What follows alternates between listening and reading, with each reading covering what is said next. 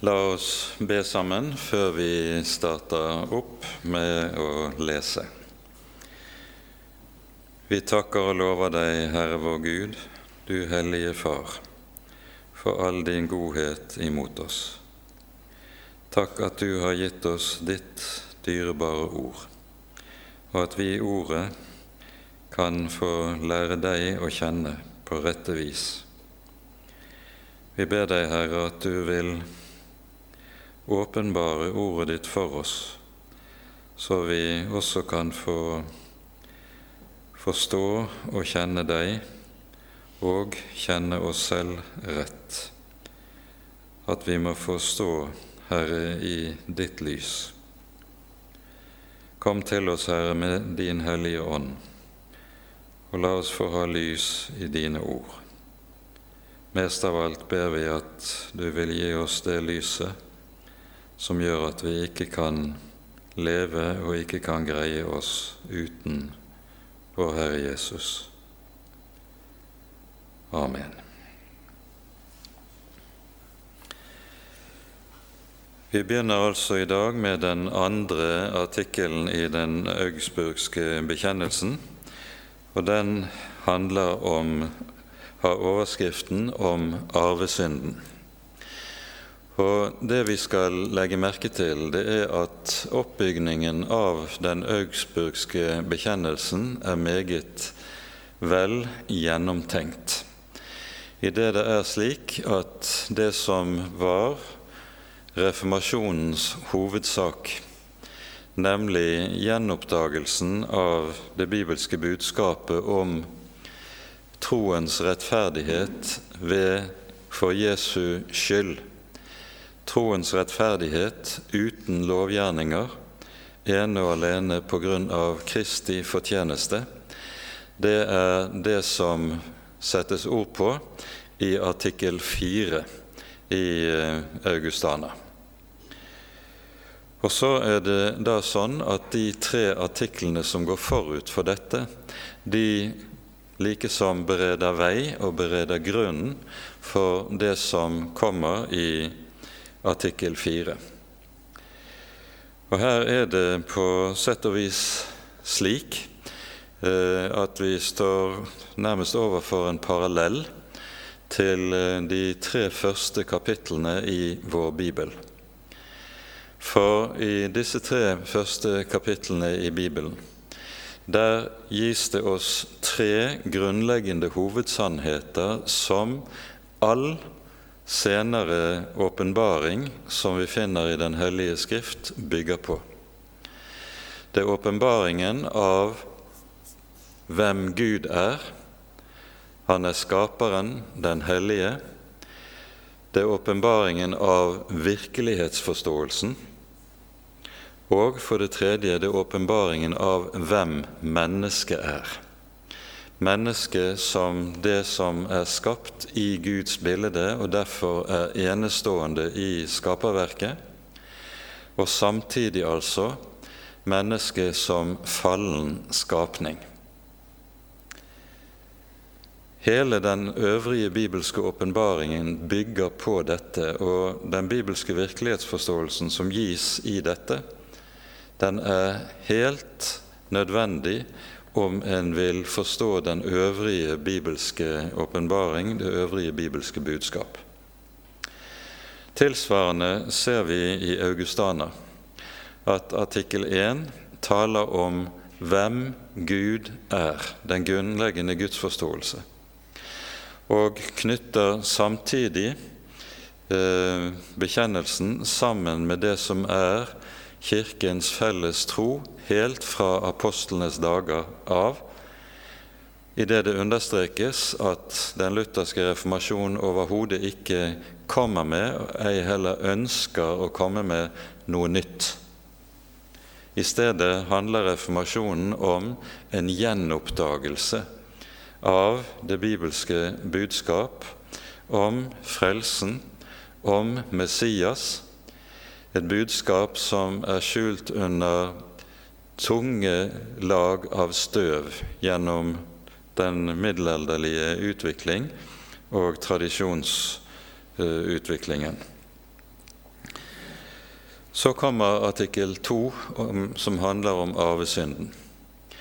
Og Det som her sies, er den helt nødvendige eh, betingelsen for å forstå artikkel 4 om rettferdiggjørelsen.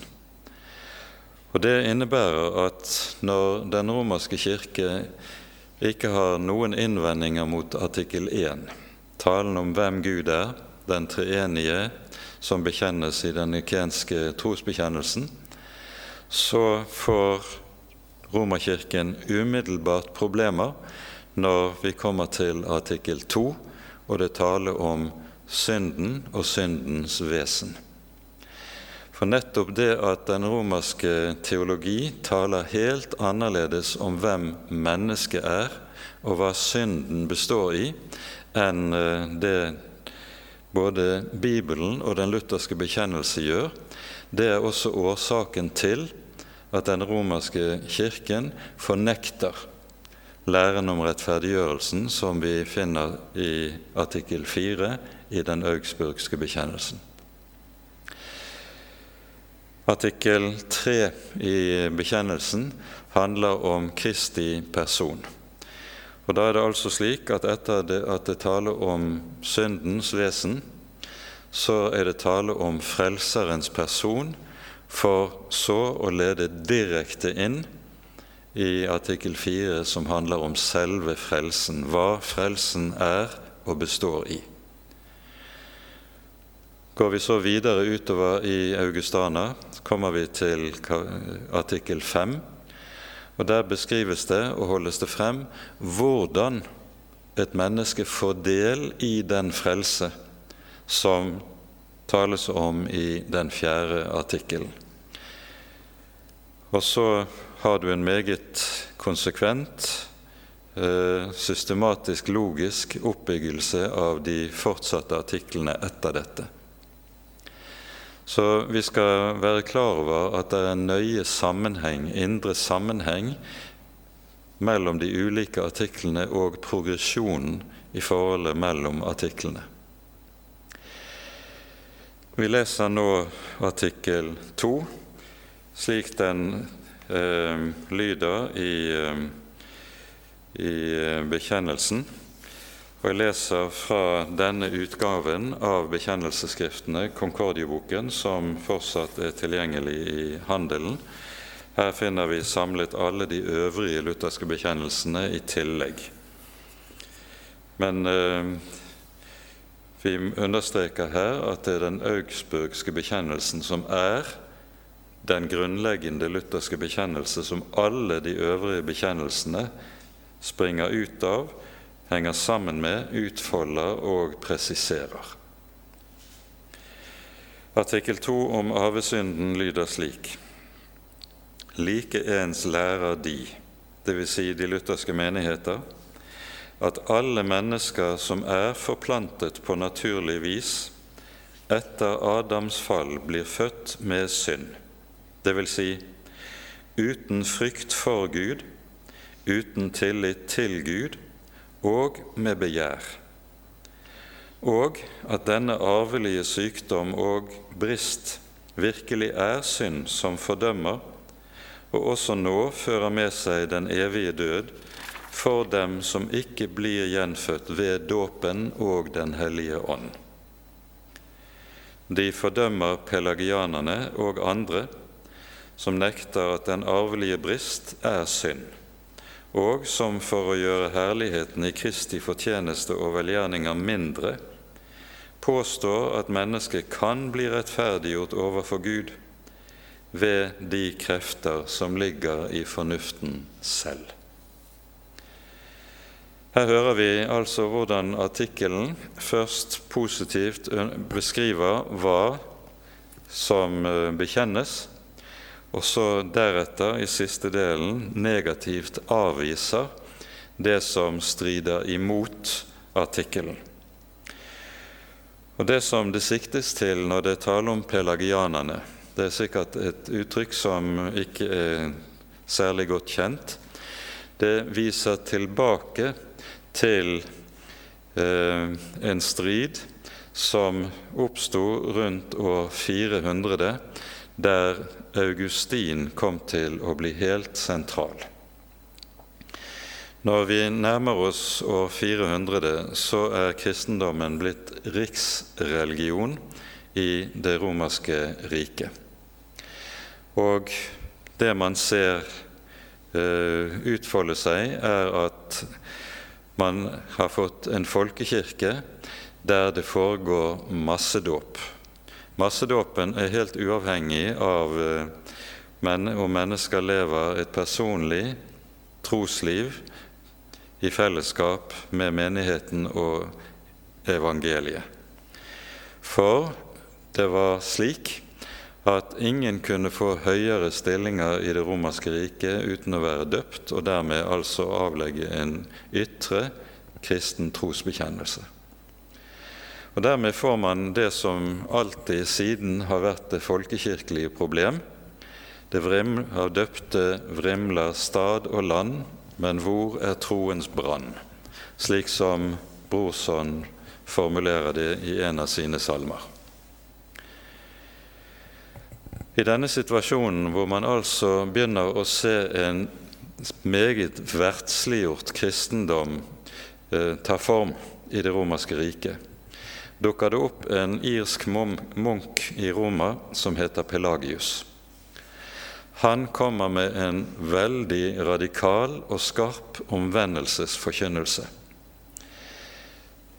Det handler om å vende seg fra verden og fra verdslighet og fra synd til å leve et rett kristent liv i Kristi etterfølgelse. Men, og her er det store men, Pelagius fornekter læren om arvesynden og hevder at det er mulig for mennesket ved egne krefter både å omvende seg og leve et hellig liv, bare det tar Guds hellige lov på ramme alvor. Pelagianismen var altså en lære som handlet om at mennesket kunne frelses ved å bearbeide seg selv etter loven. Og det er dette som altså avvises meget uttrykkelig i denne sammenheng. Augustin er den som uh, trer opp imot Pelagius og Pelagius' forkynnelse. Og vi finner en rekke skrifter fra Augustins hånd som behandler nettopp læren om troens rettferdighet. Augustin er på sett og vis Eh, den teologen i Oldkirken som først riktig gjenoppdager Paulus' undervisning om troens rettferdighet. Og dermed er det heller ikke tilfeldig at Luther, eh, som jo var munk i augustinerordenen, og altså kjente til det å høre med i augustinerordenen, hørte jo det å bli fortrolig med Augustin sin teologi og Augustin sine skrifter. Så gjennom dette kom Luther til hos Augustin å få dyp innsikt i nettopp det evangelium som taler helt annerledes enn det Pelagius gjorde. På sett og vis kan en godt sammenfatte noe av dette ved hjelp av Paulus' ord i um, slutten av Galaterbrevets annet kapittel. Her sier Paulus i, slik i det 21. verset.: Jeg forkaster ikke Guds nåde, for er rettferdighet å få ved loven. Da er altså Kristus død forgjeves kan altså mennesket bare ved å prøve å innrette livet etter Guds hellige lov nå inn til Guds nåde, få del i frelsen. Hvorfor i alle dager skulle da Kristus bli menneske? Hvorfor i alle dager skulle Kristus da dø på korset? Det ville jo være helt unødvendig, fordi mennesket kan makte slikt selv. Og Det var nettopp det som lå i konsekvensen av Pelagius sin forkynnelse.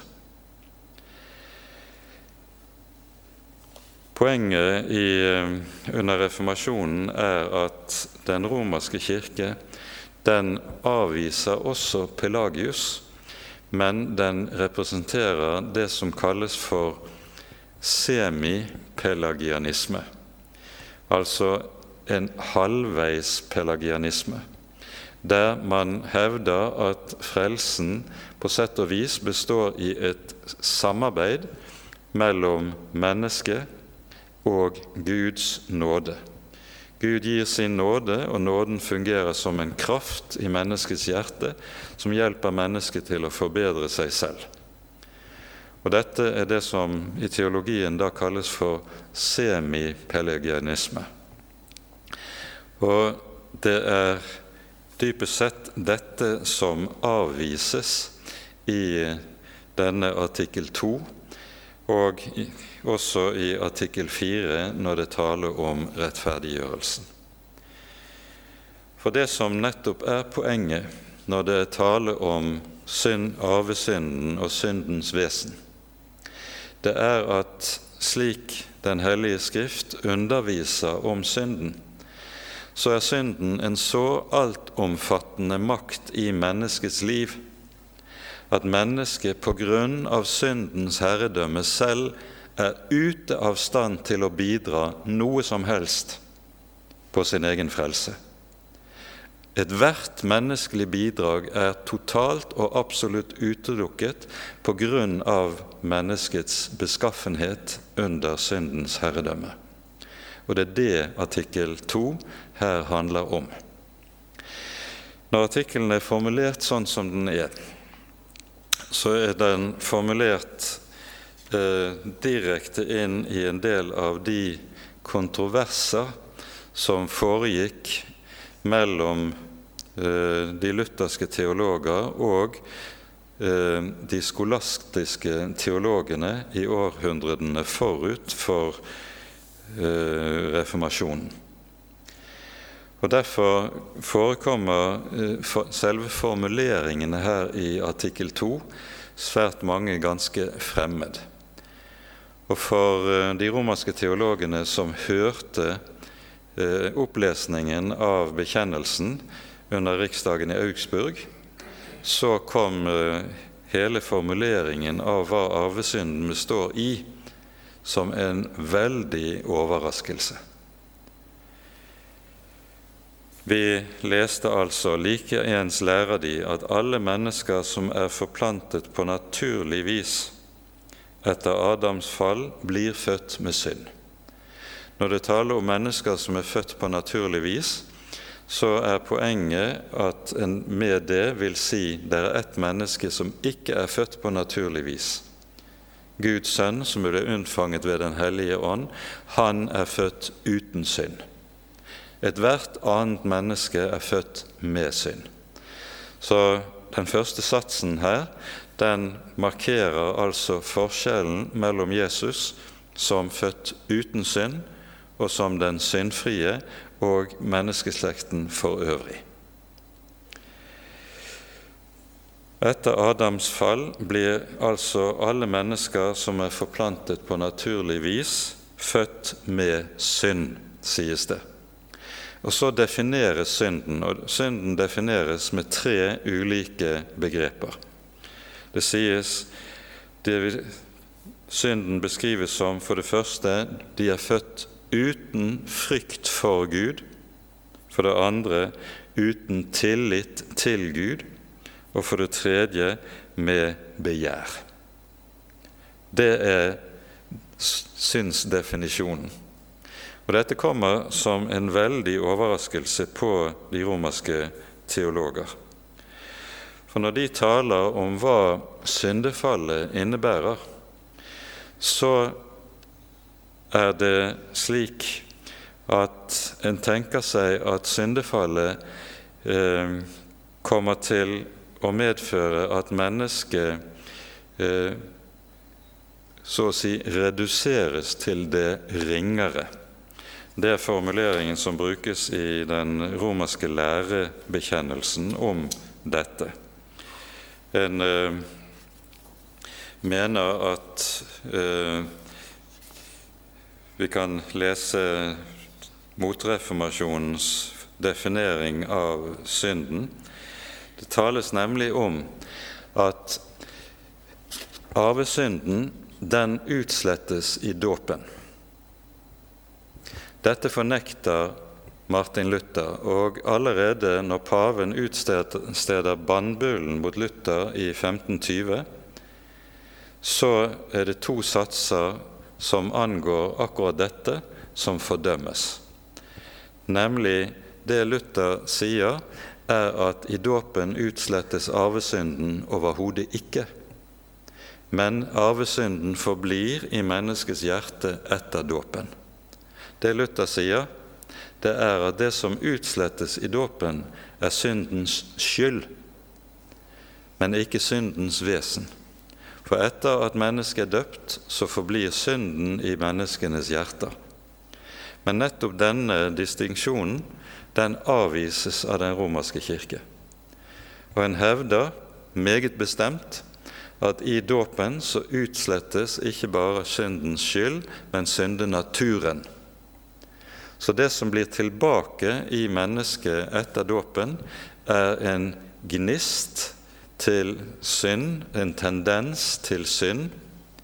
Men denne gnisten til synd som blir tilbake etter dåpen, den er i seg selv ikke synd, ifølge romersk teologi. Og Under motreformasjonen så sies det meget tydelig at dersom noen ikke lærer slik, da er de forbannet. Dette betyr også helt konkret at den lutherske lære som kom til å bli helt sentral i hele den lutherske menneskesynet, at en kristen er to ting på en og samme tid, nemlig samtidig synder og rettferdig, det er noe som avvises radikalt innen romersk teologi. Og Derfor er det også slik at i eh, de religionssamtalene som var mellom Det lutherske verdensforbund og Den romerske kirke på 1990-tallet, og som førte ut, munnet ut i det som kalles for Felleserklæringen om rettferdiggjørelsen, som endelig ble vedtatt av Det lutherske verdensforbund i 1998. Den ble ikke godtatt av Romerkirken før setningen om at en kristen er samtidig synder og rettferdig ble strøket fra felleserklæringen. Den romerske kirke ville ikke godta felleserklæringen om rettferdiggjørelsen uten at dette ble strøket. For hele poenget i romersk teologi var altså at det som blir tilbake i mennesket etter dåpen, det er bare en tendens, en gnist, som nok lett kan antennes, men denne gnisten er i seg selv ikke synd, lærer en i romersk teologi. Og Det betyr helt konkret at det som da defineres som synd i romersk teologi hos det kristne mennesket, aldri forstås som vesenssynd, men alltid forstås utelukkende som gjerningssynder. Og Dermed så har du tenkningen om skriftemålet og skjærsilden som ligger i kjølvannet på det, som en nødvendig konsekvens av eh, denne måten å tenke på. Når Augustana altså sier at arvesynden består i det at mennesket er født uten frykt for Gud og uten tillit til Gud, så er poenget med dette at her beskrives ikke synden først og fremst som en vesensegenskap ved mennesket, men synden er noe som definerer forholdet mellom Gud og menneske. Det som er tankegangen, det er at hele eh, menneskeforståelsen, slik den lutherske reformasjonen tenker, den er definert av menneskets forhold til Gud. Og hva er det som skjer med syndefallet? Det er nettopp at menneskets forhold til Gud ødelegges. Denne ødeleggelsen beskrives i Det nye testamentet slik at gudsbildet ødelegges. Og Derfor omtales frelsen i eh, en rekke sammenhenger i Det nye testamentet som gjenskapning eller fornyelse av det gudsbildet som gikk tapt ved fallet. Gudsbildet ødelegges i og med syndefallet. Og dette, hva det innebærer, det ser vi meget nøyaktig i eh, beretningen om fallet, slik som vi hører det i Første Moseboks tredje kapittel. Og Vi skal ta oss tid til å peke på et par grunnleggende saker. For det første synden har sitt opphav i slangens spørsmål Har Gud virkelig sagt? Og Dette forstås på denne måten at djevelen får makt over mennesket gjennom å ødelegge menneskets forhold til Guds ord. Får djevelen først ødelagt menneskets forhold til Guds ord, har Gud virkelig sagt. Da har djevelen også mennesket i sin makt. For det andre syndens vesen beskrives ved det som sies av slangen, på to områder. Eva, når djevelen spør er det ikke tillatt å ete noe tre, tre i hagen, og får til svar jo, det tillatt å spise alle trær i hagen uten tre som står midt i hagen. Hvis vi eter det, skal vi dø. Og så svarer slangen, dere skal visselig ikke dø. Hva ligger det i dette? Her ligger det en fornektelse av Guds hellighet. Gud, det er det er som om at slangen sier til Eva du har helt sikkert misforstått. Det kan ikke være slik ment. Gud er jo kjærlighet. Og en Gud som er kjærlighet, kan slett ikke være en Gud som ønsker at dere skal dø. Dere må ha misforstått. Men slangens ord og slangens poeng er altså en radikal fornektelse av Guds hellighet som slår ut i fornektelse av at Gud er dommens Gud, den hellige. Uten frykt for Gud, sies det at er en avgjørende side ved syndens vesen. Og så kommer det neste som slangen sier. Gud vet at på den dag dere eter av treet, skal deres øyne åpnes, og dere skal bli like som Gud. Og dette er også syndens vesen. Syndens vesen består i fornektelse av den hellige, samtidig som mennesket vil være sin egen Gud. Gud skal ikke være herre, for jeg vil være herre i mitt eget liv.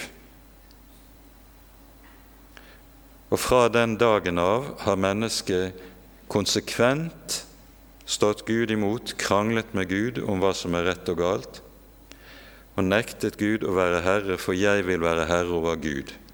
Gud er interessant utelukkende i den utstrekning han tjener mine interesser. Dette er den menneskelige religiøsitet i et nøtteskall. Dere skal bli like som Gud. Så skjer da det etter fallet. Og det er også noe som beskriver hva som skjer med menneskets gudsforhold i fallet. Når kvelden er blitt sval, så um, hører de Gud Herren komme vandrende i haven. Hva gjør Adam og Eva? De skjuler seg for Herren. Mens de tidligere før fallet, når Herren var i nærheten, kunne løpe ham glad i møte som barn til en høyt elsket far, så rømmer de nå fra ham i dyp frykt. Hvorfor? Det som er skjedd med mennesket etter fallet, det er at mennesket er blitt en skapning på flukt, flukt fra Gud.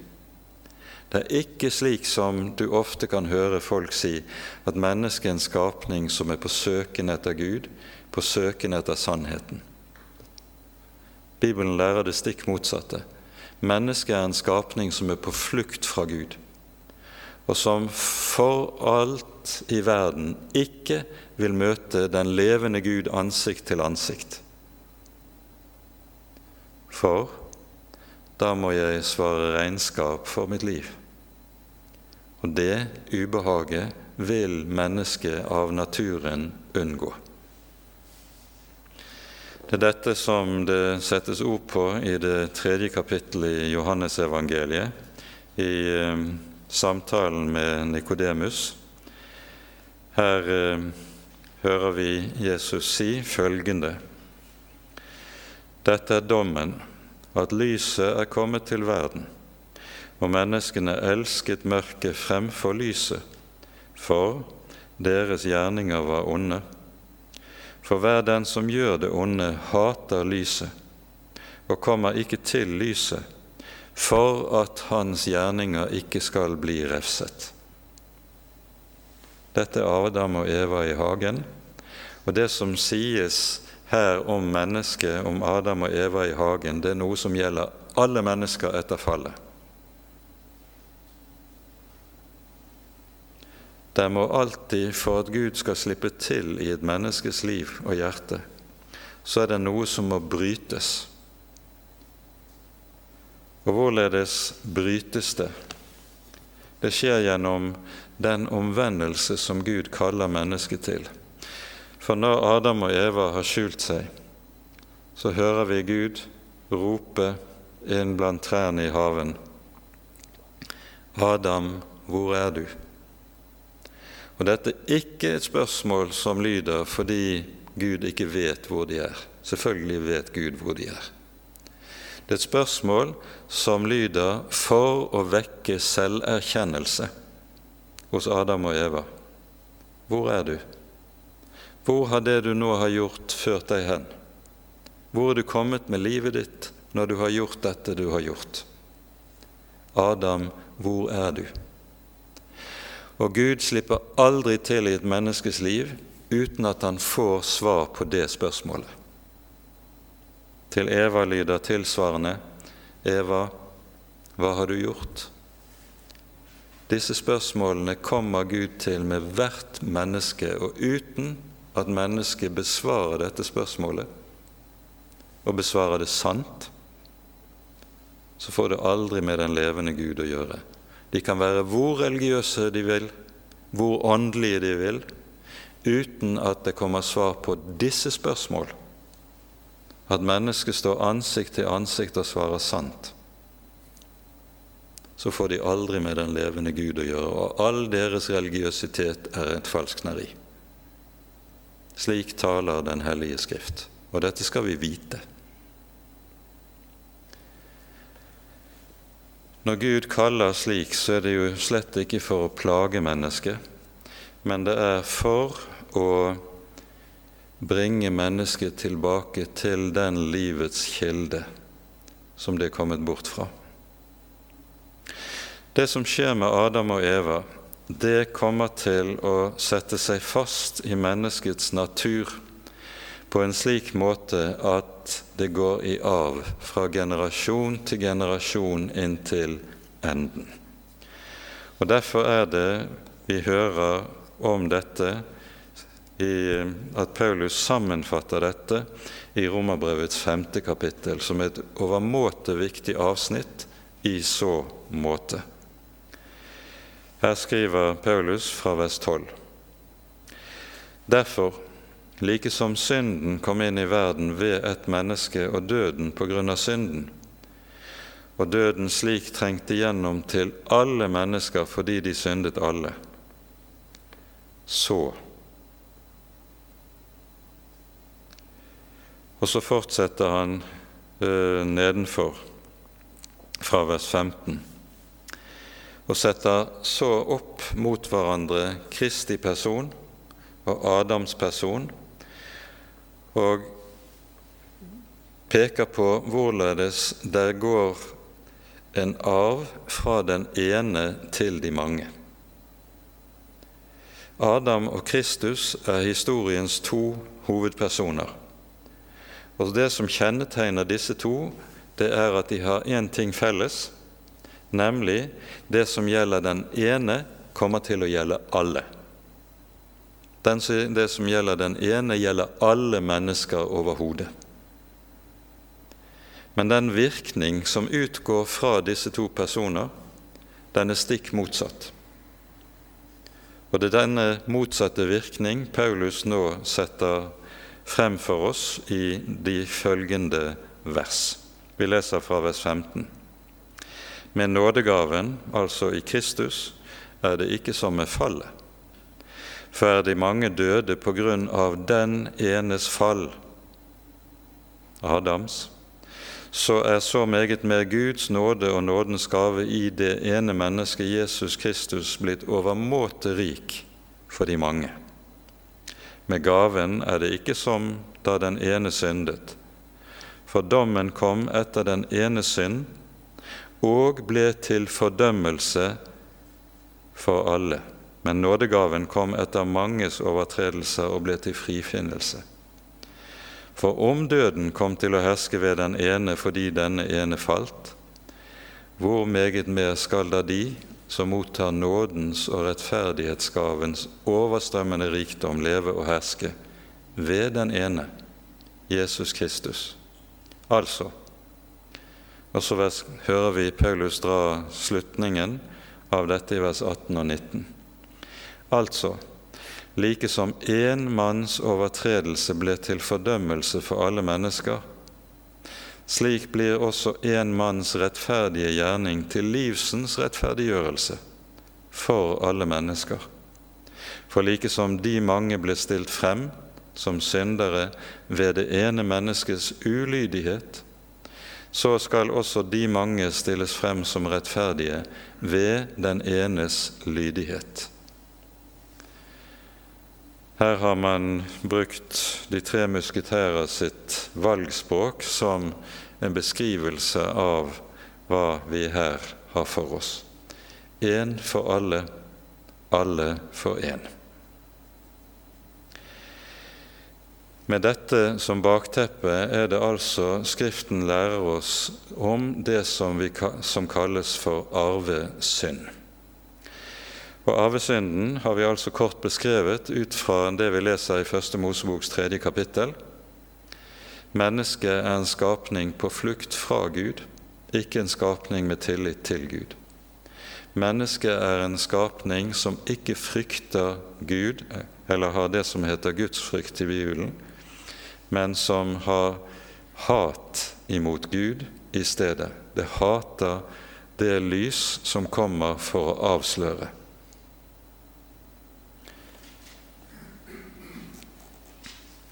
Så er det altså at Skriften på denne bakgrunn taler om det som vi kaller arvesynd. Begrepet arvesynd finnes ikke i seg selv i Bibelen, men er et nøyaktig uttrykk for hva Den hellige Skrift har å si om synden.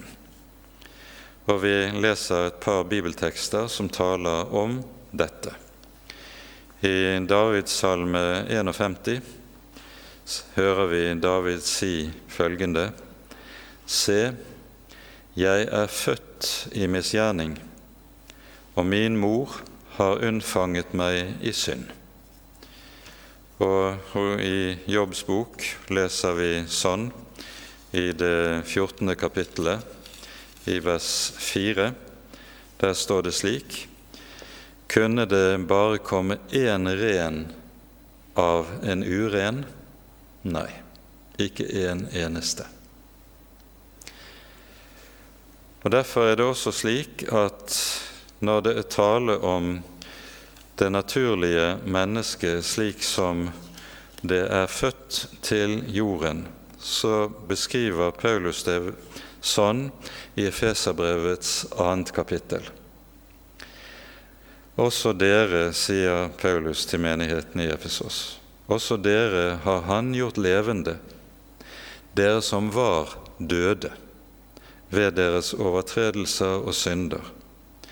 I disse vandret dere før på denne verdens vis, etter høvdingen over luftens makter, den ånd som nå er virksom i vantroens barn. Vi vandret alle blant dem i vårt kjøds lyster, og vi gjorde kjødets og tankenes vilje.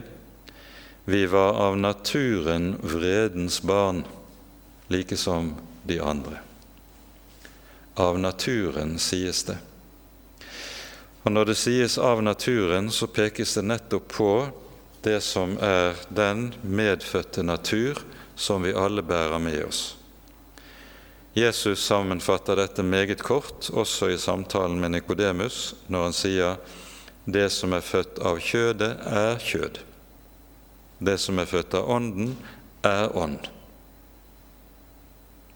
Hos Jobb hørte vi kunne det komme en ren fra en uren?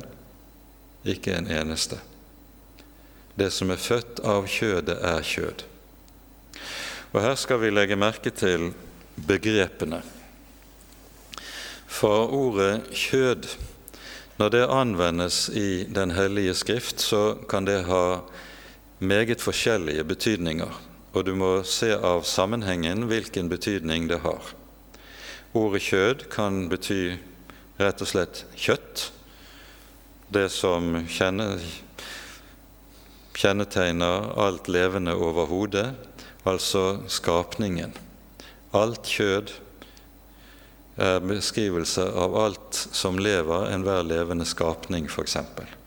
Og da det, sies det ikke noe om hvorvidt dette verken er godt eller ondt. Men så kan ordet altså betegnes slik som det ganske særlig gjør i Johannesskriftene og i Paulus sine skrifter. Så betegner det menneskets natur som fallen natur. Og da er poenget at ordet kjød ikke betegner menneskets legemlighet, men det er en betegnelse på alt hva jeg er som person. Både mitt legeme, min syke, min ånd, mitt sjelsliv, mitt tankeliv alt er kjød. Og Derfor vil det også være slik at alt som er i menneskets sinn og hjerte, er på ulike måter behersket av synden på en slik måte at det ikke er noe i mennesket som så å si er brukbart for Gud til å bygge på og gå ut fra når mennesket skal komme til liv og omvendelse. Og Derfor brukes begrepet død. Det falne mennesket er åndelig dødt. Og akkurat som Lasarus lå i graven i fire dager og luktet, så er det falne mennesket i åndelig forstand i nøyaktig samme posisjon. Lasarus ble ikke levende gjennom at Jesus sa til ham nå må du prøve å løfte armene først, og så kanskje kan du løfte hodet. Men Jesus taler et ord inn i døden og sier 'Lasarus, kom ut'. Og ordet fra Jesu munn er et skaperord som vekker liv av døde.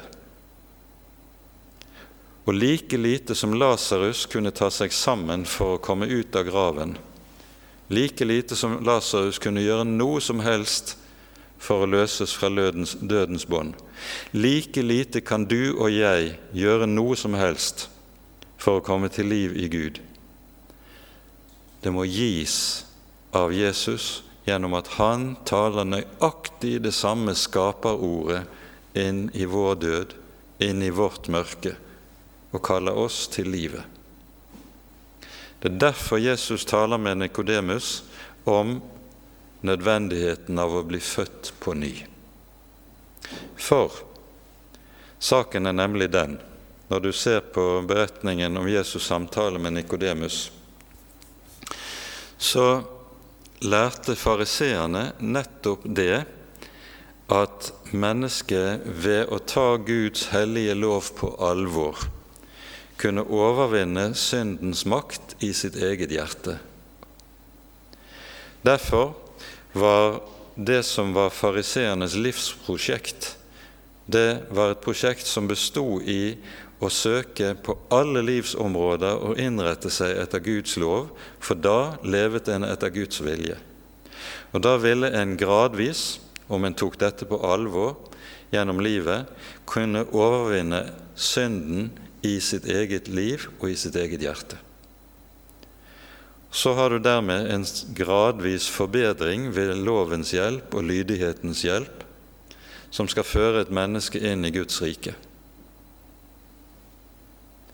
Dette var fariseernes grunnleggende lære og oppfatning. Og Derfor er det at Jesus, når Nikodemus kommer til ham, svarer og sier uten at et menneske blir født på ny, kan han ikke se Guds rike. Og Med det rammer han fariseernes teologi midt i planeten. All deres selvforbedring, all deres lydighet mot loven hjelper dere ikke ett eneste skritt nærmere Guds rike. Dere må fødes på ny. Det må en nyskapning til. Det er poenget. For kjødet, det som er født av kjødet, er kjød og kan ikke bli annerledes. Det må en nyskapning til. Og Det er derfor David også ber slik som han gjør i den 50, 51. salmen i det 12. verset. Gud, skap i meg et rent hjerte.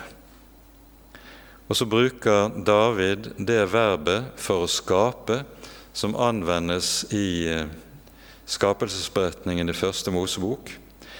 Et verb som er helt særegent på hebraisk fordi det er et verb som utelukkende kan anvendes med Gud som subjekt. Det er utelukkende Gud som kan skape i denne betydning.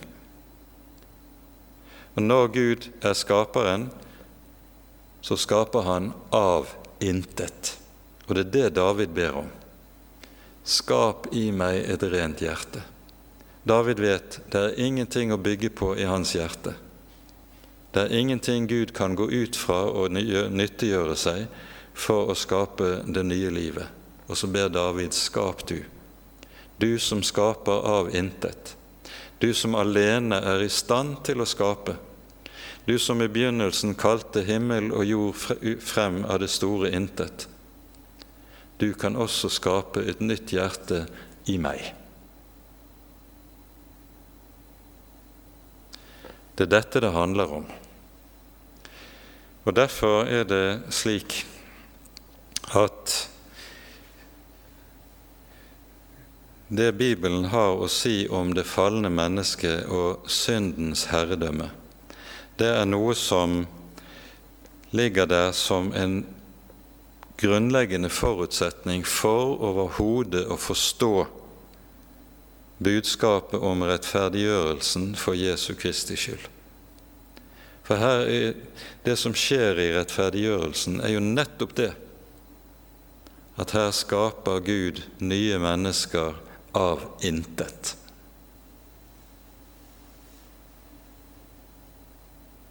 Han har ingenting å bygge på. Og Derfor er det ikke slik som det naturlige mennesket tenker, og dette var en del også av fariseernes teologi, som sier som så vi får gjøre vårt beste, og så tilgir nok Gud det som vi ikke makter. Sånn tenkte fariseerne, Sånn tenker det naturlige menneskets religiøsitet. Men sånn tenker ikke Det nye testamentet. Sånn tenker ikke Jesus. For her er det tale om noe helt annet i, eh, som kjennetegner synden etter dens vesen hos menneskene.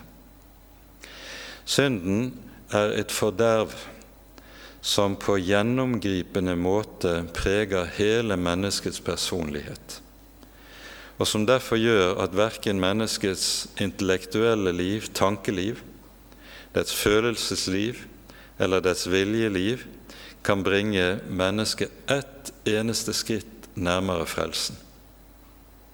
Dette er derfor også bakgrunnen for avvisningen av talen om den frie vilje, som du finner i de lutherske bekjennelsesskriftene.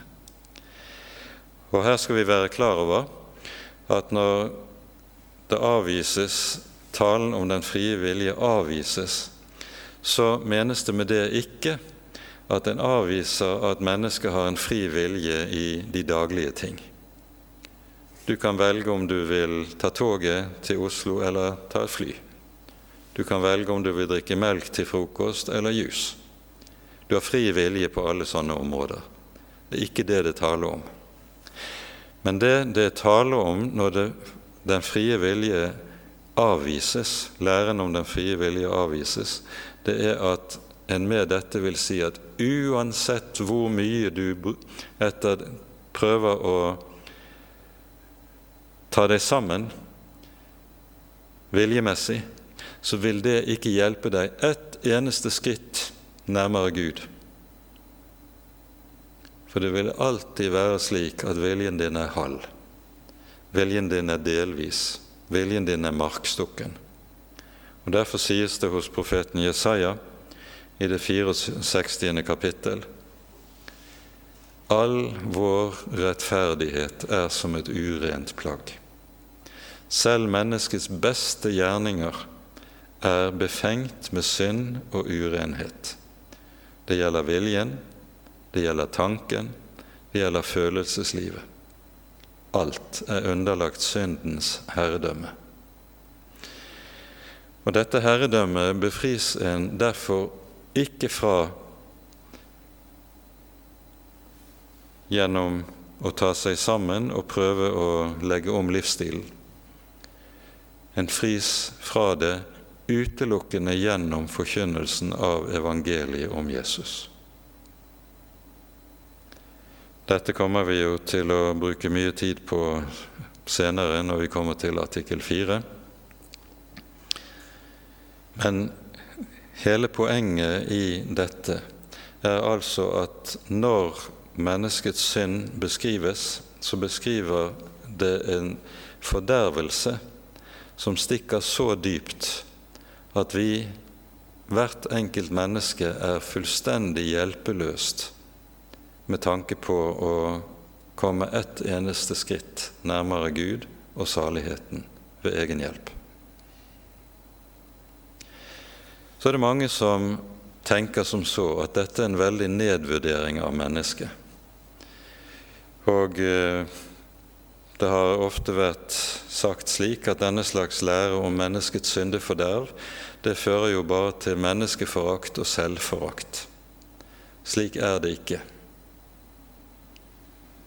Selvforakt, det er noe som kan komme i menneskets liv hos mennesker som ikke har møtt kjærlighet i oppveksten.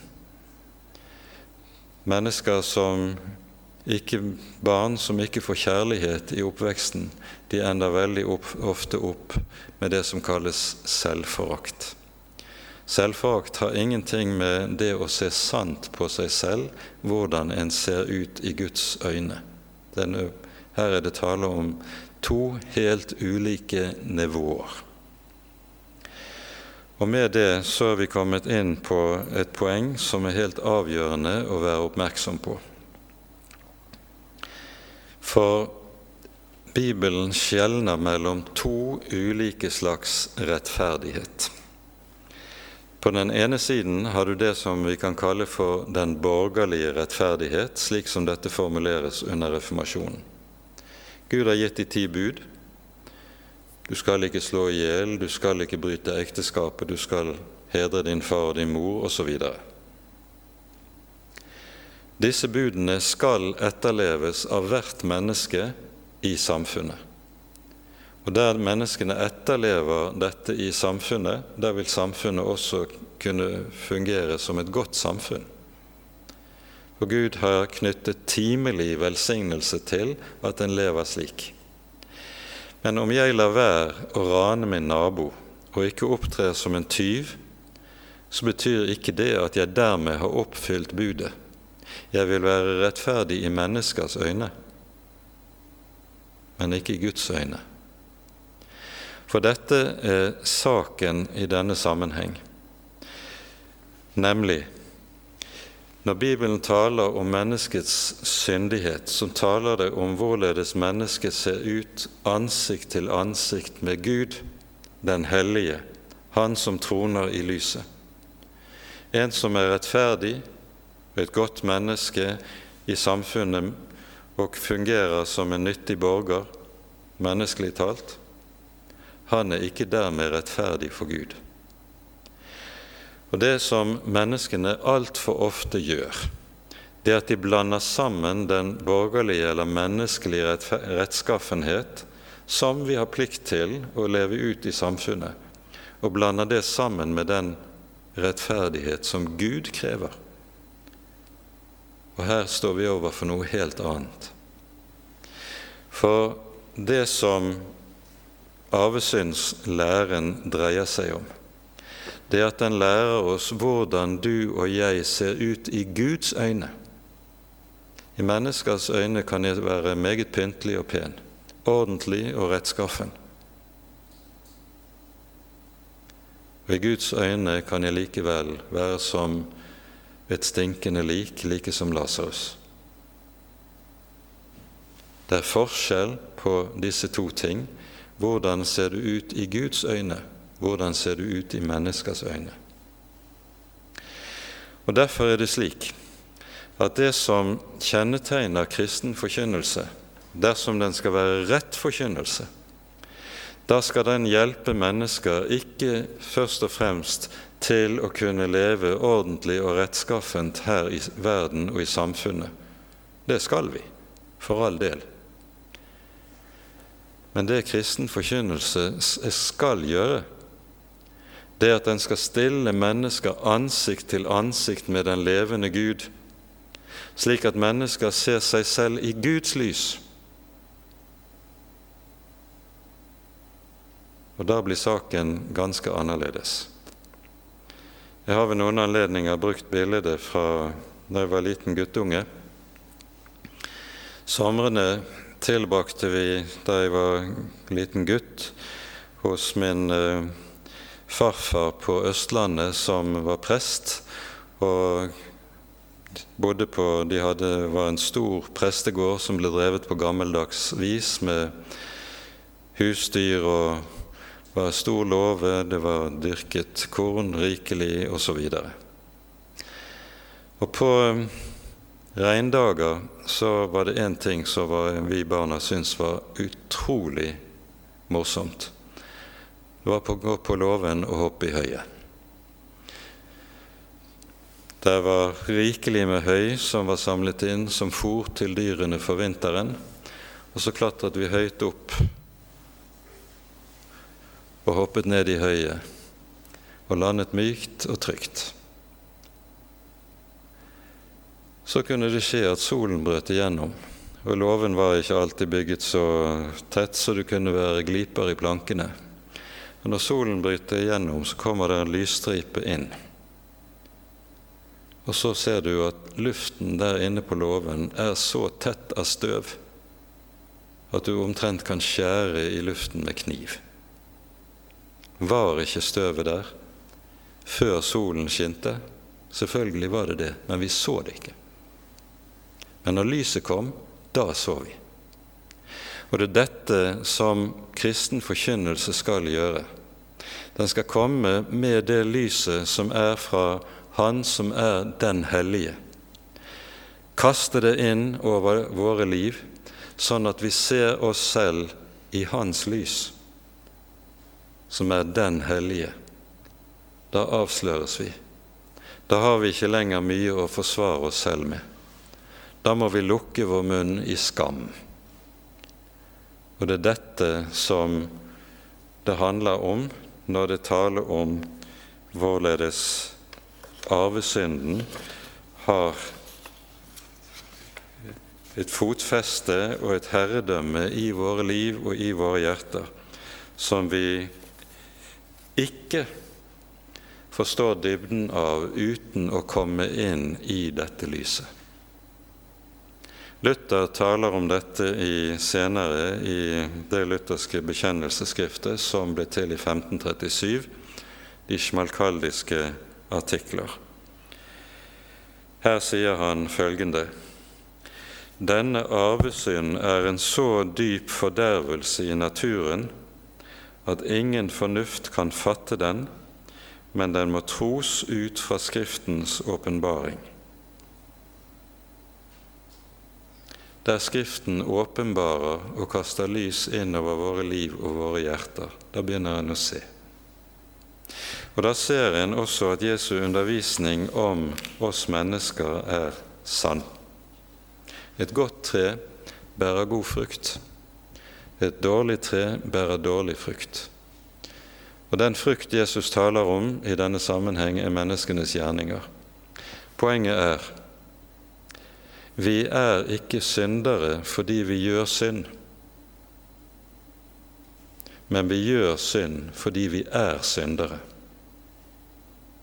Et godt tre bærer god frukt. Et dårlig tre bærer god frukt.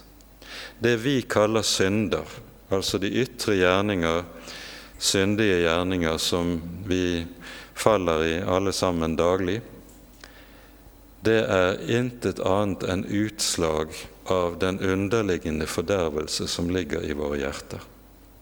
Det er det onde tre som bærer sine frukter.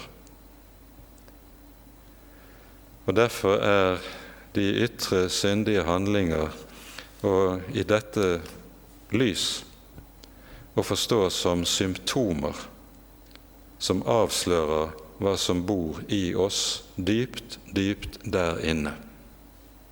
For med det som her er sagt og pekt på, så må vi også med dette si noe som ikke er så lett for oss å godta, men som er den grunnleggende sannhet i Bibelen. Vi mennesker kjenner dypest sett ikke oss selv. Vi er i stedet meget tilbøyelige til og meget dyktige til ulike former for selvbedrag.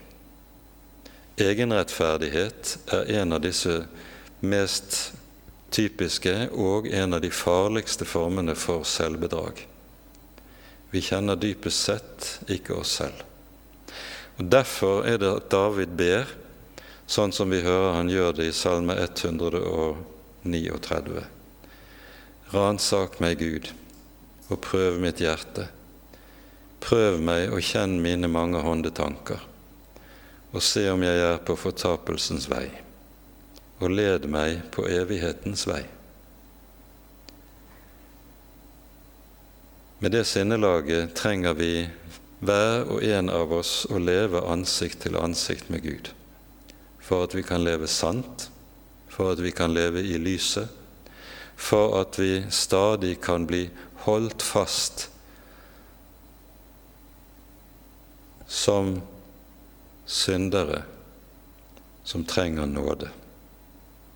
For den dagen jeg slutter å være en synder som trenger nåde, den dagen er jeg blitt en fariseer. Gud hjelpe oss fra å havne der. Med det setter vi punktum for dagens bibeltime. Det er nok mye mer å si om dette enn det vi har vært inne på til nå. Men her er det altså vi står overfor helt grunnleggende sannheter i Skriften som er umistelige hvis vi skal forstå Skriftens lære om rettferdiggjørelsen rett. Ære være Faderen og Sønnen og Den hellige ånd, som var og er og være skal, en sann Gud, høylovet i evighet. Amen.